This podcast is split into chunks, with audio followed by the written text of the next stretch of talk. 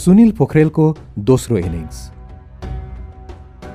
संसार एउटा रङ्गमञ्च र त्यो मञ्चका हामी कलाकार हौँ भने सेक्सपियरको यो भनाइ सुनिल पोखरेलसँग ठ्याक्कै मिल्छ। उमेरले तीन बिस पुग्ने लागेका पोखरेलका दारी सेतै फुलिसके। सेक्सपियरकै शब्दमा उनको घर एउटा मञ्च हो। किनभने पोखरेल दम्पति नै नेपाली रङ्गमञ्चका पर्याय हुन् दुवै नाट्यकर्मी। नाटक र घरबीचको तादात्म्य सम्बन्धमा पोखरेल परिवारसँग जोडिएको छ आरोहण गुरुकुल। एक दशक अघि बन्द रहेको त्यही गुरुकुललाई सुनिल पोखरेलले अहिले बिउताउँदैछन्। अनामनगर पुलबाट बानेश्वर उकालो लाग्दा बायाँतिरको पहिलो गल्लीभित्र कुञ्ज नाटक घर परिसरमा पोखरेल अहिले गुरुकुलको दोस्रो इनिङ्समा व्यस्त छन्। पोखरेलसँगै गुरुकुलका तेस्रो ब्याचका विद्यार्थी पनि मञ्च बनाउन बत्ती मिलाउन वायरिङदेखि धुलो माटोका सम्पूर्ण काममा लागि परेका छन्।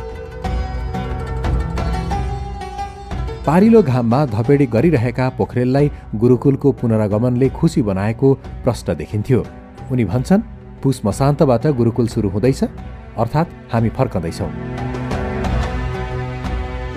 कुञ्ज नाटकघर परिसरमा डेरा जमाएको गुरुकुलले पुस तीस गतेबाट मञ्चन गर्ने नाटक पुतलीको घरको रिहर्सल एकातिर गर्दैछ भने अर्कोतिर तत्कालीन कुञ्ज नाटकघरलाई चिरिच्याट्ट पार्ने काम पनि हुँदैछ। हिउँदको पारिलो घाममा तातेको यो माहौलले नाटक अनुरागीका लागि एउटा चाडपर्वको झल्को दिन्छ। शताब्दी पुरुष सत्यमोहन जोशीले उद्घाटन गर्ने कार्यक्रममा कलाकार किरण मानन्धरको टिमले दिनभर पेन्टिङ गर्ने कार्यक्रम छ। काठमाडौँ महानगरपालिकाले काँध थापिदिएपछि गुरुकुल त सुरु भयो तर पोखरेलको चिन्ता चुनौतीका पहाड कसरी पार गर्ने होला भन्नेतिर केन्द्रित छ। विगत दस वर्ष अघिको दर्शक उत्साह र आफ्नै ऊर्जा पनि उस्तै गरी नफर्किएला कि भन्ने संशय पोखरेलको मनमा कता कता छ। एक हिसाबले चुनौती नै देख्छन् उनी। दस वर्षे अवधिमा आफ्नो ठाउँ मात्रै नभएको उनको तर्क छ। नाटक भने गरिरहेकाले गुरुकुल फेरि फर्कियो भन्दा पनि निरन्तरता पाएको उनको तर्क छ।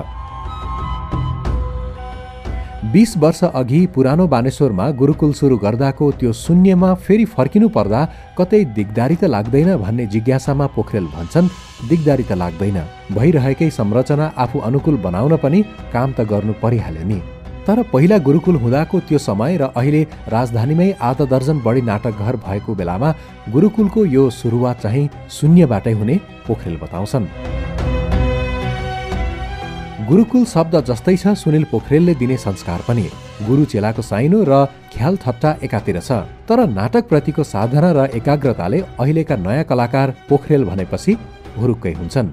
सिन्धुपाल्चोकका तन्नेरी सुवास नाटक मार्फत आफैलाई खोज्न आएको बताउँछन्। उता खोटाङ्की निता राईलाई कलाकारिताका लागि गुरुकुलको विकल्प नभएको बताउँछिन्। सुभाष र निता जस्तै अहिलेका नयाँ विद्यार्थीहरू कोही आफैलाई खोज्न आए भन्छन् कोही गुरुकुलमै सिकेर रङ्गमञ्चमै लाग्न पोखरेलको सामिप्यमा आएको बताउँछन्। गुरुकुलमा कलाकारिता गर्दा सरसफाइदेखि मञ्च बनाउने लगायत नाटक घरका सम्पूर्ण काम कलाकारकै जिम्मा हो। पोखरेलका लागि यसो गर्नुको पनि अर्थ छ। मानिस जहिले अभावमा बाँच्छ फेरि कलाकारले त अभावमै काम गर्न जान्नु पर्दछ। पोखरेलको बुझाइमा थिएटर कल्चरले अनुशासनमा रहेर काम गर्न सिकाउँछ। भुइँमा खुट्टा भइरहन हामीले दुःख बुझ्नुपर्छ बिर्सन हुँदैन। गुरुकुलमा समर्पित हुनुको कारण स्कुलिङको भूमिका मुख्य हुने पोखरेल बताउँछन्। त्यसैले नाटकलाई साधनाकै रूपमा काम गर्न विद्यार्थी भाइ बहिनीहरू गुरुकुल आउने गरेको उनको बुझाइ छ। पोखरेलका लागि नाटक अभिव्यक्तिको माध्यम हो। जसरी सङ्गीत चित्रकला साहित्य मूर्तिकला छन् नाटक पनि ती मध्येकै एउटा माध्यम न हो। पोखरेल आफै चाहिँ नाट्य क्षेत्रमा किन आए त?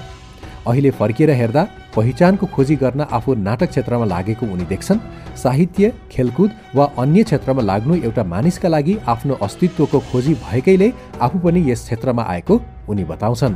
मन परेको रहर लागेको काम गरेकोले म खुसी छु। नाटक गर्नुको सार्थकता औल्याउँदै पोखरेल त्यो हिजोको रहरमा आजको वास्तविकता खोज्छन्। अहिले फर्किएर हेर्दा पोखरेलका लागि पहिचानको खोजीले मात्रै उनको यात्रा पूर्ण हुँदैन। अब भने जीवनको अर्थ महत्त्वपूर्ण देख्छन् उनी। तर जीवन बुझ्न चिन्तन मनन होइन त्यो साधना कर्म गरेर मात्र प्राप्त हुने उनको ठम्याइ छ।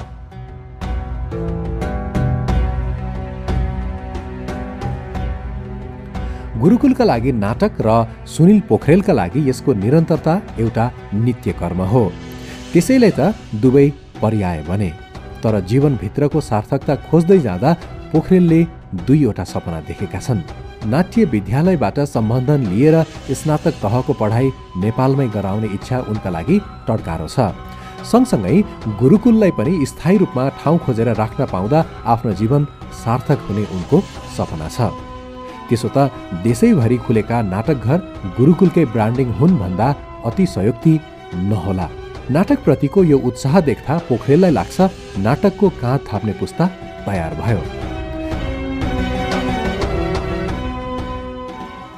बिस वर्ष अघि गुरुकुल खुल्दा यो अवस्था थिएन।